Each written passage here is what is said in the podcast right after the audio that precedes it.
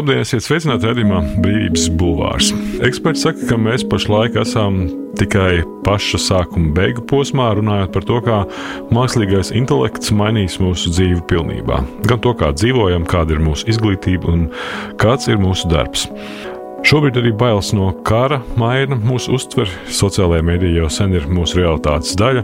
Kā cilvēkus ietekmē laiks un notikumi pasaulē, par to mūsu radījumā saruna ar Latvijas Universitātes datorikas fakultātes profesoru, uztveres un kognitīvo sistēmu laboratorijas vadītāju Jurģis Čilteru. Sveiks! Sveiks. Ko vispār ir iespējams atbildēt uz to, kādā ziņā tie notikumi ietekmē mūs, vai um, precīzāk, ko indivīds tur vispār var ietekmēt, kas ir tas pasaules notikuma līmenis, kurus mēs varam un kurus mēs nevaram ietekmēt. Droši vien stāsts par mākslīgo intelektu un stāsts par ir ļoti atšķirīgi pēc jēgas un būtības, bet domājot par mākslīgo intelektu, man liekas, ka kognitīvo zinātņu pētniekiem tas nav tāds pārāk uh, liels pārsteigums, jo faktiski tā tehnoloģiskā attīstība visnotaļ paredzami mūs novedusi situācijā, kad ir ļoti jaudīgas mākslīgā intelekta sistēmas. Un patiesībā arī kolēģi vidū tāds ļoti liels pārsteigums par šo nav. Drīzāk ir viena cita problēma. Mēs īsti e, nezinām, kā cilvēks, ik viens no mums, kā bioloģisks veidojums, kā mēs, kā mēs miedarbojamies ar tām jaudīgajām mākslīgā intelekta sistēmām. Tas ir salīdzinoši mazāk pētīts. Ir ļoti daudz pētījumu par mākslīgā intelekta izveidi, ļoti daudz pētījumu par cilvēku cilvēku bioloģiskiem uh, procesiem, kas darbina mūsu dabisko intelektu nosacīt. Bet uh, kā viņi uh, savā starpā miedarbojās un kas ir tā, tā interakcijas specifika, cena, zaudējumi, ieguvumi, tas ir daudz mazāk skaidrs. Jurģis Čilters ir Latvijas Universitātes profesors, datorikas fakultātes, uztveres un kognitīvo sistēmu laboratorijas vadītājs. Doktora grādu ieguvis Mainas Universitātē, kognitīvajās zinātnēs, studējis filozofiju Latvijas Universitātē, Kāļu Universitātē Prāgā un Helsinku un Greifsvaldes Universitātēs Vācijā. Studējis arī Austrumēropas vēsturi un grāmatzinātni. Viņš ir kognitīvo zinātņu pētniecības aizsācējs Latvijā. 2005. gadā Latvijas Universitātē nodibinājis Kognitīvo zinātņu un semantikas centru, savos pētījumos pievērsies valodai un tam, kā domājam, uztveram pasauli un sevi. Uztvers un kognitīvo sistēmu laboratorijas pētniecības ietvaros pēt virzienus, kas saistīti ar krāsu un formu kategorizāciju un to uztveri plašākā kontekstā un telpas uztvers pētniecību. 2015. gadā saņēmis Ziedoņa balvu zinātnē daudzu starptautiski atzītu filozofijas, kognitīvo zinātņu un semantikas izdevumu rakstu autors, kā arī grāmatu autors ir ļoti daudz lietas, ko mēs nezinām, kas notiek ar, ar mūsu uztveri, ar mūsu atcerēšanos, ar mūsu kaut kādām telpiskām navigācijas spējām, izmantojot mākslīgā intelekta sistēmas. Un, nu, šādi skatoties, tā problēma faktiski ir jau pāris gadus sena. Ja, teiksim, šobrīd mums ir tās jaudīgās dialogu sistēmas, nu, kas ir viena veida faktiski mākslīgā intelekta sistēmas, tāda dialogu sistēmas, tātad chat GPT un, un līdzīgas lietas nu, pārsteidzoši labi darbojās par spīti visam, bet uh, tas jau ir diezgan pašsaprotami. Mēs jau esam tādi adaptīvi hameleoni. Mēs jau patiesībā evolūcijas gaitā ļoti meistarīgi pielāgojamies jaunajiem rīkiem, jaunajām tām nosacītām kognitīvajām un tehnoloģiskajām nišām.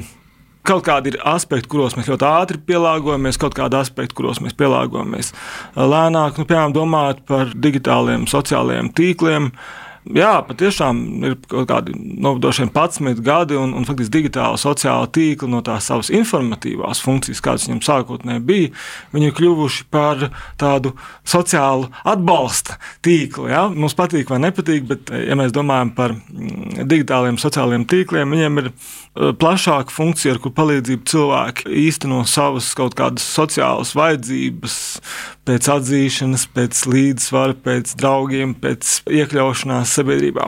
Protams, tas ir atšķirīgi nekā salīdzinot ar fiziskās klātienes situācijām, bet to, ka digitāla rīku funkcijas laika gaitā ļoti strauji mainījušās, nu, to mēs, protams, varam novērot. Un, un man kā pētniekam, protams, interesantākais ir skatīties, kas notiek ar, ar cilvēku, nu, tādā nozīmē, kā, kā tādu hibrīdu veidojumu, ka mēs no vienas puses mums ir tās bioloģiskās, kognitīvās funkcijas mūsu smadzenēs, no otras puses mēs lietojam digitālu sociālus tīklus, priecājamies, bēdāmies par, Bet par at, cilvēkiem. tajā. atmirst un kādā ziņā nu, ir riski un bažas par to, ka cilvēks zaudē nezinu, brīvību. Viņš tiek novērots, kontrolēts, uz viņa ieraduma bāzes tiek izstrādāti algoritmi un tam līdzīgi. Kur vienkārši- paliek brīvā griba.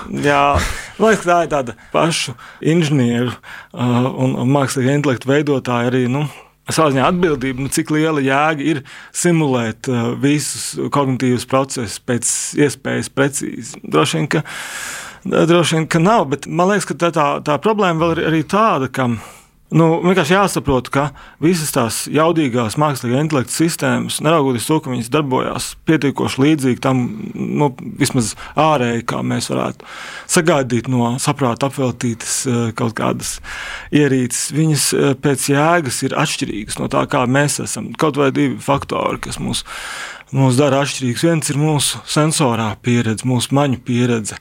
Mēs viņu apgūstam no mūsu pirmajiem mūža brīžiem, mūsu oža, garša, tausta, redze. Tās ir dzīves laikā, viņas attīstās. Viņām ir pietiekoši jaudīga un specifiska tāda attīstības gaita. Un, mākslīgā intelekta rīki viņi var simulēt vienu vai otru maņu vienā vai otrā konkrētā gadījumā, bet tā mūsu maņu eh, saslēgšanās un, un darbība reālā laika situācijās, kādas mums notiek, tas ir, ir daudz grūtāk. Tā, tā otra lieta ir sociālā pieredze. Nu, neviens no mākslīgā intelekta jaudīgajiem 2023. gada rīkiem nedarbina sociālo pieredzi tā, kā mēs to darbinām. Mūsu sociālā pieredze ir apgūta socializācijas gaitā. Digitālu rīku sociālā pieredze ir apgūta no liela apjoma datiem. Un tie dati faktiski atveido vidusmēra uh, sabiedrības spriešanas modeļus. Tas nav tas, kā mēs apgūstam savu sociālo pieredzi. Bet tur, protams, arī pastāv, kā mēs redzam, zināmi riski. Ja šos datus var apkopot, tad tie tiek izmantoti gan propagandas būvēšanai, uh, gan dažādu veidu manipulācijām ar šo vidusmēra cilvēku. Tieši tā, jo tās vidusmēra mākslīgā intelekta sistēmas jau ir šķības un grēzes tādas pašas, kāda ir vidusmēra cilvēki mums apkārt. Proti? Jau kā, kā mēs arī esam. Nu, gan jau, ka mums ir arī aizspiedumi, stereotipi, izējot no tā, kā tie vidusmēra cilvēki savā starpā sarunājās, kādu veidu datus viņi piedāvā, tā vienkārši izsakoties. ne? No tā jau arī veidojās tā mākslīgā intelekta uh, interakcijas sistēmas. Es gribētu teikt, ka tā bīstamība ir tāda, ka nu, tie stereotipi un bailes un visāda veida arī manipulēti viedokļi un, un domas. Viņi jau vidusmēra tajā nu, individuā nu, darbojās. Un, ja mēs tagad skatāmies, kā darbojās mākslīgā intelekta sistēmas, viņas lielā mērā šos vidusmēra cilvēku aizspriedumus arī patur. Pirms kāda laika bija ļoti dramatisks īstenībā, piemērs ar, ar mākslīgā intelekta sistēmu, kas darbināja seju atpazīšanu. Seju atpazīšana arī tāda nozīme, nu, ka teiksim, nolasa emocijas un arī nolasa, cik iespējams, kāda ir varbūtība, ka šis cilvēks potenciāli bīstams. Nu, tad eh, šajā gadījumā tie bija Amerikas lietotāji un Amerikas dati. un Tad parādījās tāds šķīps un greizs, tas automātiskās nolasīšanas tas modelis, nu, kad viens ādas krāsas cilvēki ir, ir bīstamāki nekā citi. Teiksim, tā, tā manuāli izķert tos stereotipus no mākslīgā intelekta sistēmām, viņas jau ir nu, pagrūti. Vienkārši Tas ir tāds mākslīgā intelekta sistēma specifika. Man liekas, ka šeit ir tas eh, jautājums, kāpēc ir nepieciešams nu, kaut kā nu, nosacīt, apstādināt vai vismaz piebremzēt to attīstību. Jo mēs, piemēram, īsti nezinām, nu, ko darīt. Piemēram, ja ir liela apjoma eh, digitāli tīkli vai apstrādes rīki, kur izmanto lielu apjomu eh, datus, kā mēs varam viņus normalizēt, nosacīt. Ja? Teiksim, kā mēs varam tos stereotipus atsijāt, kā mēs varam atsijāt kaut kādus aizspriedumus.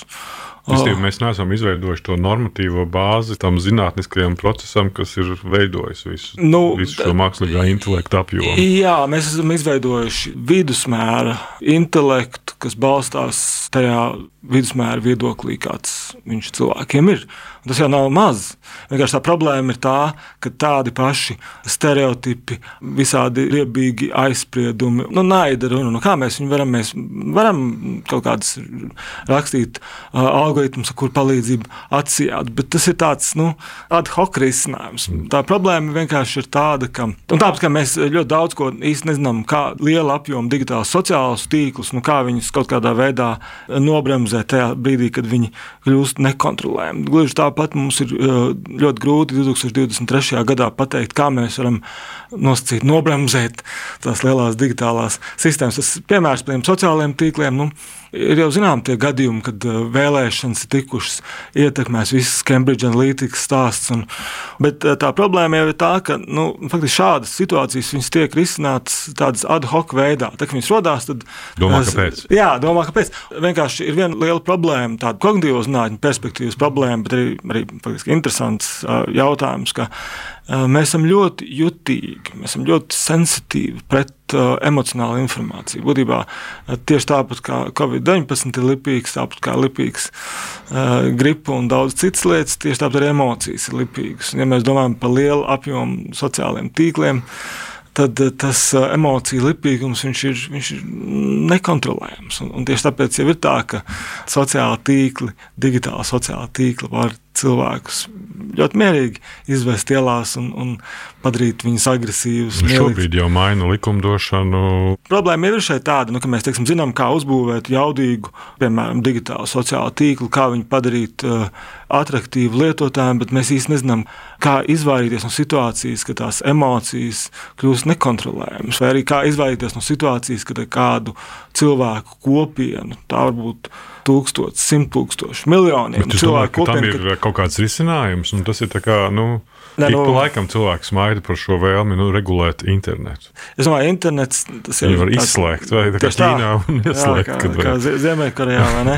Bet uh, es vienkārši domāju, tās uh, sociālo tīklu veida platformas, viņām ir pietiekoši liela tāda arī uh, psiholoģiska un, un tāda psihosociāla jēga priekš mums. Mm un uh, saprast, kā mēs varam to emociju lipīgumu bloķēt, ja gadījumā tā, viņas ir manipulētas. Tas ir uzdevums, ko vismaz pētnieciski vajadzētu saprast. Tas ir jautājums tikai par uh, to, ka mums um, nepatīk muļķības izplat cilvēki, kur blakus mums kaut kur ir vai ne, bet mēs, mēs nevēlamies, ka mūsu dzīve kļūst nedroša. Ir taču tā pretējā puse, kas pietiekoši labi mēģina ietekmēt procesu, izmanto tās mūsu bailes, nedrošību, emocionāli nosacīt paredzamību paredzamās reakcijas.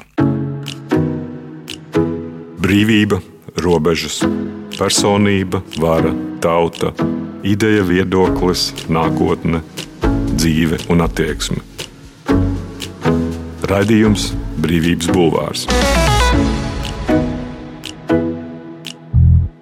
Bet tagad, nu, piksim, pirms uh, neilga laika tika izplatīta vēstule, ko bija parakstījuši pasaulē zinām tehnoloģiju uh, uzņēmumu pārstāvji, sākot no Ilona Maska un beidzot ar Apple dibinātāju Steve'u Vozņaku, viņi aicināja apturēt eksperimentus ar mākslīgo intelektu un brīdinot par nu, nopietniem riskiem cilvēcei šis ir tāds nu, pietiekami deklaratīvs paziņojums, jo skaidrs, ka laikam apturēt neko nevar. Var apturēt, protams, to pētniecību, nu, ko mēs kaut kādā veidā varam uh, nosacīt, kontrolēt. Ja? Mēs jau, daudz no pasaules pētniecības nemaz nezinām, kas notiek Ķīnā, Krievijā, Ziemeļkorejā. Nu, daudz ir pētījumu, par kuru saturu mēs tā īsti nemaz nezinām.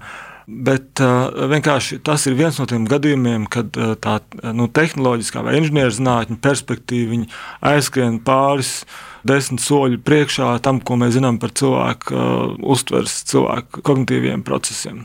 Un, un tāpēc tas stāsts par to, kā izvairīties no emocionālās manipulācijas liela apjoma sociālos tīklos, tas ir viens no jautājumiem, kas faktiski ierakstās tajā nu, pēc būtības par to Vozņēku un, un Maska vēstuli. Viens arī eh, šī paša paziņojuma kontekstā, kas bija par šīs bažas par uh, mākslīgā intelektu attīstību, izskanēja arī tāds draudīgs procents, ka tuvākajos gados varētu izzust 18% eh, profesiju. Un tad ir jautājums, nu, ko šobrīd izvēlēties. Ko nozīmē profesijas iz, izzudīs? Vienkārši cilvēki adaptēsies, pārprofilēsies. Laiku pa laikam ir kaut kāda nu, industriālā revolūcija, mainās tā sabiedrības struktūra. Tā problēma ir tā, ka psiholoģisko visu pusi mēs daudz mazāk saprotam, mēs daudz mazāk apjēdzam, kādas ir tās um, miedarbības ar tām digitālajām infrastruktūrām un mūsu kā dabiskām, bioloģiskām, kognitīvām sistēmām. Tā ir tā problēma, ka pēc, pēc jēgas un būtības nu, droši vien kāds laiks jāpagaida un, un droši vien jāsaprot, kas notiek ar mums. Ja skatāmies ilgtermiņā, cilvēku kognitīvās spējas adaptējas tiem rīkiem un arī sociālajiem tīkliem. Un es domāju, ka ilgtermiņā skatoties, tas ir kāds problemātisks aspekts, ko ar mums tā digitālā vide dara. Cilvēks ir tāds kognitīvais hameleons. Digitālie rīki jau nedara neko jaunu, salīdzinot ar to, kas ir bijis tad, kad cilvēki sāka lasīt grāmatas vai skatīties televīziju. Līdz ar to varam teikt, ka digitālo rīku ietekme uz cilvēku atmiņu noteikti nav negatīvi vērtējama drīzāk pozitīvi. Tā savulaik Latvijas sabiedriskajiem mēdījiem stāstīja Jurģis Čilters. Tieši tā mēs esam adaptācijas periodā, un mēs vienkārši mēs mainamies. Mēs nekļūstam ne gudrāki, ne muļķāki. Mēs izmantojam jaudīgus rīkus, un mēs vienkārši mainās kaut kāda mūsu uztveres kognitīvie procesi. Bet tas, kā mēs jau sākumā teicām, mainās tad viss, kā mēs lasām, kā mēs mācāmies, kā mēs izklaidējamies. Nu, jā, bet, piemēram, kā mēs lasām, nu, ir apmēram skaidrs, kas ir tas galvenais zaudējums vai kas ir tā problēma, tad, kad mēs lasām digitāli. Ir teiksim, skaidrs, ko mēs iegūstam lasot analogi, drukātas grāmatas. Neteiksim, tur, piemēram, domājot par lielu apjomu digitāliem tīkliem, domājot par dialogu sistēmām, kas nu, kvazi normāli reaģē uz mūsu jautājumiem. Nu, tā problēma mazliet cita, jo mēs jau īsti nezinām, kurā brīdī tā manipulācija, es domāju, nu, emocionāla veida manipulācija, kurā brīdī viņi var, var mūs ietekmēt.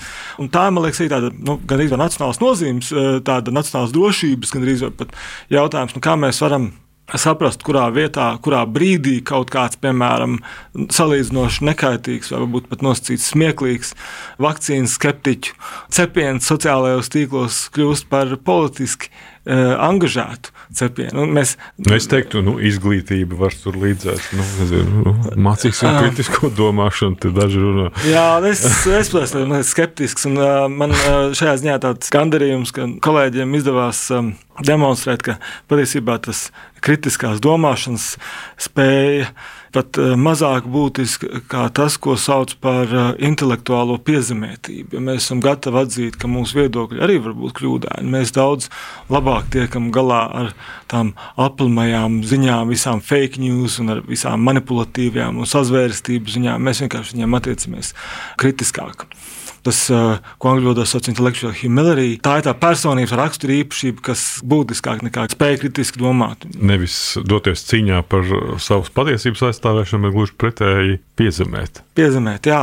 Es domāju, ka doties cīņā par savas patiesības aizstāvēšanu vienmēr ir vērts. Tā ir tā intelektuālās stājas un drosmes lieta.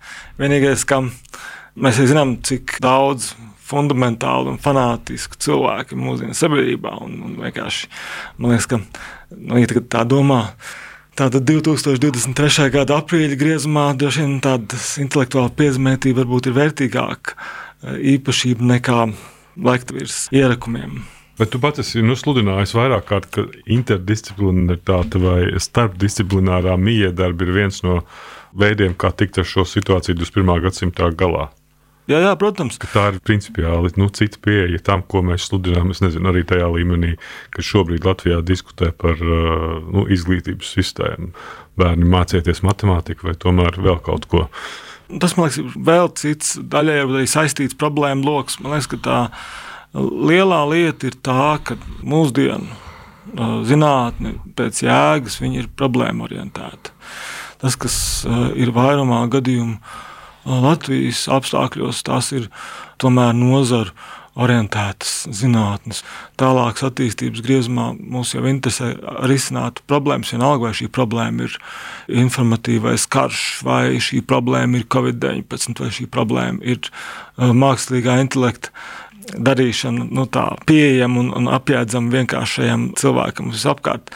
Kas notiek? Ar zinātni, ir, ir tāda transformācija no nozara orientētām zinātnēm uz problēmu orientētām zinātnēm. Un, un, un tajās problēmu orientētajās zinātnēs tur tās robežas, kur sākās matemātika, datorzinātnes, psiholoģija, tur tās robežas saplūst. Viņas pēc būtības saplūst.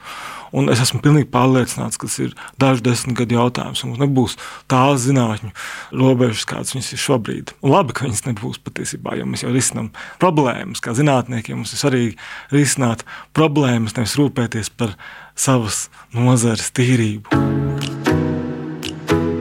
Grūti pateikt, vai latvieši ir radoši. Problēma nav radošumā vai tā trūkumā, bet vai latvieši spēs adaptēties līdz laikam, mest kūleņus atbilstoši izglītības, zinātnes un tautsājniecības konjunktūrai. Par to šaubos. Latvijas sabiedrība ir ļoti konservatīva. Domājot par mūsu izglītības nākotni, tas var maksāt dārgi. Manuprāt, izglītības iegūšana jāskata kontekstā ar zinātni un valsts tautsājumniecības attīstību. Jāskata nevis teorētiski, bet konkrēti, izvērtējot katru studentu. Vai Latvijā varam atļauties veidot studentu masu, kuri tautsājumniecību uztver neieinteresēti. Tāpēc man patīk revolucionāri jaunieši. Tā savulaik žurnālam ir intervijā stāstīja Jurģis Čilters. Mums ļoti maz attīstīta tā joma, ko sauc par industriālo pētniecību. Ja, teiksim, piemēram, Rietumos ļoti bieži pētījumi notiek Ziņā, industrijas finansēta, bet industrijas motivēta. Mums, piemēram, interesē kaut kāda garšas vai smaržas uzlabošana, ja mēs veidojam pētījumu. Nu, Tādas, starp citu, ir bijušas Latvijā. Ja, teiksim, tādi arī mūsu laboratorijā ir bijuši. Nu, kopumā tā industrijas interese par pētniecību ir ļoti maza, bet arī tā izpratne par to, īstenībā, ko mēs varam un ko mēs nevaram veikt, tā arī ir ļoti specifiska un ļoti, ļoti piezemēta, tā, tālāk izskoties. Bet arī jaunieši ir par maz revolucionāri. Jo šis ir tas jautājums arī nu, par tām izcilībām un par to vispār izglītējušās izglītības sistēmas problemātiku, kas tagad parādījās par to, vai un kādā veidā šīs izcilības ir jāatlasa studenti jau ir patiešām lieliski. Man, es pieņemu, ka man tiešām ir laimējies, bet nu, šo arī nu, gandrīz 20 gadu laikā man ir visfantastiskākie, gudrākie studenti bijuši. Un ļoti daudz bija tādas situācijas, kad es vienkārši domāju, ok, nu, tas ir arguments palikt Latvijā un, un, un turpināt darboties. Jo nu, tiešām no studentu puses viss kārtībā, bet nu, vienkārši jāņem vērā, ka studentiem kaut kādā brīdī studijas beidzās. Un, ja tālāk tā interese nav pētniecība, nu, tad tas stāsts arī ir noslēdzies. Mēs varam teikt, nu, redz, tajā gadā bija izcils maģijas darbs, izcils bakalaura darbs. Tas arī viss, kas ir palicis. Domājot par tām starpdisciplinārajām nozarēm, problēma varbūt vajag, nu, salīdzinoši grūtāk varbūt ir viņu studentus paturēt, jā, teiksim, pētniecībā. Ja, teiksim, domājot par tādām nostabilizētām nozarēm, tas ir, protams, daudz vieglāk. Šajā gadījumā datorikas fakultāte Latvijas Universitātē ļoti pozitīvs piemērs. Tādā ziņā, ka mums ir izdevies tomēr arī to studentu vidi gan aktīvi turēt un arī un iesaistīt pētniecībā. Šo arī ir gandarījums. Bet problēma ir, ja jebkurā gadījumā, nu, ja tas iedomāsimies, students, ja viņš apgūst vienu vai divus citas tematikas kursus, nu, viņš jau tā ļoti nosacīti gūst izpratni par to, kas ir tajās citās nozarēs. Ja, ja domājam par uh, mākslīgā intelekta pētniecību, tas ir ļoti interesanti paskatīties, kas ir tas, kas ir izdarīts un kas reāli notiek cilvēka smadzenēs. Tie ir ļoti atšķirīgi procesi. Un tas ir savā ziņā tas, ko es studentiem mācu. Kādi jau arī tas saintriģē tā, ka nu, tālāk tiek beigta kāda pētījuma kāda kvalifikācijas darba, un, un beigās arī kaut kas uh, interesants vai noslēguma darbā vai pētījumā. Un, pēc tam daudz tādu ir. Nu, izņēma, man liekas, ka studentiem viss ir kārtībā. Vienkārši pēc iespējas būt nu, kaut kā tie, tie starpdisciplinārie virzieni kaut kā jāatbalsta. Es domāju, tas tikai laika jautājums. Tā problēma ir drīzāk tāda nu, kopējā Latvijas pētnieku mentalitātes problēma. Vai mēs esam gatavi skatīties uz problēmu orientētu zinātni vai nē. Un, man liekas, ka tā ir tā problēma, ka diemžēl arī daudz jaunāku gadagājumu kolēģi ir pietiekoši nu, tādi ieciklēti uz tām nozaru specifiskajām uh, skatījuma formām. Bet kādēļ, piemēram, nu, tie, kuri studē eksaktās zinātnes, pēc tam var kļūt par nezinu, rakstniekiem vai filologiem, un otrādi ir diezgan sarežģīti, lai neteiktu neiespējami? Um, es domāju, ka Latvijas gadījumā ir abos gadījumos diezgan grūti, jo tā problēma ir tāda, ka mums jau nav to blakus priekšmetu. Mums vienkārši ir cilvēki, kurš studē vai nu fiziku vai filoloģiju. Arī viss viņiem jau nav nekādas īpašas, teiksim, tādas nozaru sazobes. Jā, viņiem jau nav nekāda izglītības izpratne par to, kas notiek citā vidē. Nu, es te parasti vienmēr mēdzu arī teikt, ka nu, tajā ziņā kognitīvā zinātnē ir ļoti pateicīgs tāds veids. Jo tā ir gan psiholoģijas perspektīva, tā ir datorzinātņu perspektīva, arī neirozinātņu. Tādā ziņā tas tāds lietotājam, studentam draudzīgs formāts, kur mēs vienu problēmu faktiski varam skatīt no vismaz trīs dažādām perspektīvām. Mēs varam arī, ja mēs gribam, mēs varam arī skatīt lielos filozofiskos jautājumus no šīm trim dažādām perspektīvām. Mēs varam trīs dažādas bildes likt pēc vajadzības. Radījums Brīvības Bulvārs. Sarunas par to, kas notiek un ko mēs par to varam domāt. Radījumā Brīvības Bulvārs Latvijas Universitātes datorikas fakultātes profesors, uztvers un kognitīvo sistēmu laboratorijas vadītājs Jurģis Čilters. Viena no tēmām, ko iezīmē karš Ukrajinā, ir nu, radies jēdziens, ka melnbaltā pasaule vai melnbaltā domāšana, respektīvi, ka pazūd nianses, atšķirības un tam līdzīgi. Kur šeit ir tie riski, kur nu, vieni attaisno, ka šobrīd ir šis karš, un tas ir normāla reakcija, ka mēs šādā veidā pasauli sakārtojam. Bet uh, otrs norāda, ka tur pazūd tās mazās niansētās. Viena atbilde ir tāda, ka, protams, jo vairāk mēs zinām, jo niansētāk mēs savos spriedumos kļūstam. Bet um, droši vien īpaši relativēt tādu diezgan frontālu, absolūtu ļaunumu. Grūti, nu, nav nekāda īpaša attaisnojuma iespējams. Drīzāk man, man pārsteidz tāds, nu, varbūt gumijas lineāls cilvēkiem, kur mēģina no vienas puses kritizēt Krievijas okupantus, no otras puses mēģināt kaut kā, nu, relativēt to nu, kaut kādu varbūt biznesa vai saimniecisko situāciju. Pasaule viņa tagad kā tā nāk tālāk. Vienā segmentā mums ir tas saimnieciskais aspekts, un citā segmentā ir tas, ka slepkavot cilvēki, bērni. Tur nav nekā relativējama. Man liekas, tā, ka, teiksim, ja kaut kādas idejas, politiskas vai reliģiskas, vai sazināmas kādas citas vārdā, tiek uh, atņemta citam cilvēkam dzīve, vai vispār nodarīts pāri citam cilvēkam, tad šī ideja ir bezjēdzīga. Nav vērts meklēt viņā kaut kādu racionālu kodolu. Neviena. Tā kanteriāniskā pieeja. Tā doktora disertācija bija par nenoteiktības ja, problemātiku kā šī problemātika, kas ir saistīta ar nenoteiktības vai daudznozīmības problēmu, nu, komunikācijā, kā mēs varam skatīties uz to, kas nu, šobrīd notiek, kad mēs kā viens puses mēģinām lietas pateikt, ir melns un balts, un otrs puses, ka, ka nekas nav, ne melns, ne balts. Savā disertācijā tā tēze, tā doma galvenā bija ka mēs valodas nenoteiktības apstrādājam līdzīgi vizuālajām nenoteiktībām. Tā, tas, kā mēs saprotam valodu, tas ir savā ziņā līdzīgi tajā, kā mēs apstrādājam vizuālo informāciju. Man jāsaka godīgi, ka nu, ir pagājuši vairāk, nu jau vairāk nekā 20 gadi, un es laikam varētu tikai teikt, ka tā tā laika skatījuma prizma man ir joprojām saglabājusies. Man liekas, ka Mums tiešām ir kaut kādi nu, tādi uztveres un kognitīvās apstrādes principi, kas darbojās visās mūsu uh, maņās. Nu, cik lielā mērā viņi ir līdzīgi, tas ir cits jautājums, bet ir kaut kas līdzīgs noteikti tajā, ka mēs saprotam valodā, ka mēs saprotam kaut kādu vizuālu informāciju, mums ir kaut kādi pamatprincipi, kas ir līdzīgi. Bet interesanti runāt par to nenoteiktību un, un, un aptuvenību ir tas, ka mēs spējam ļoti labi sazināties, neraugoties uz to. Mēs lietojam aptuvenus, nenoteiktus vārdus. Vienkārši pārfrazējot Aristoteli, nu, vārdu pa mazu lietu, pa daudz pasaulē. Līdz ar to mēs tos vārdus lietosim kaut kādā mērā daudznozīmīgi un, un, un neprecīzi. Paldies! Tas bija Jurģis Čilters, Latvijas Paldies. Universitātes datorikas fakultātes profesors un uztvers un kognitīvo sistēmu laboratorijas vadītājs. Mans vārds ir Gins Grūbe. Radījumu ierakstīja Toms Šits un montēja Nora Mitspapa. Paldies! Brīvība ir brīvība. Nevienlīdzība vai taisnīgums, vai kultūra vai cilvēks laime. Tā teica Iesai Berlīns. sarunas ar brīvas apziņas un ideju cilvēkiem raidījumā Brīvības Bulvārs.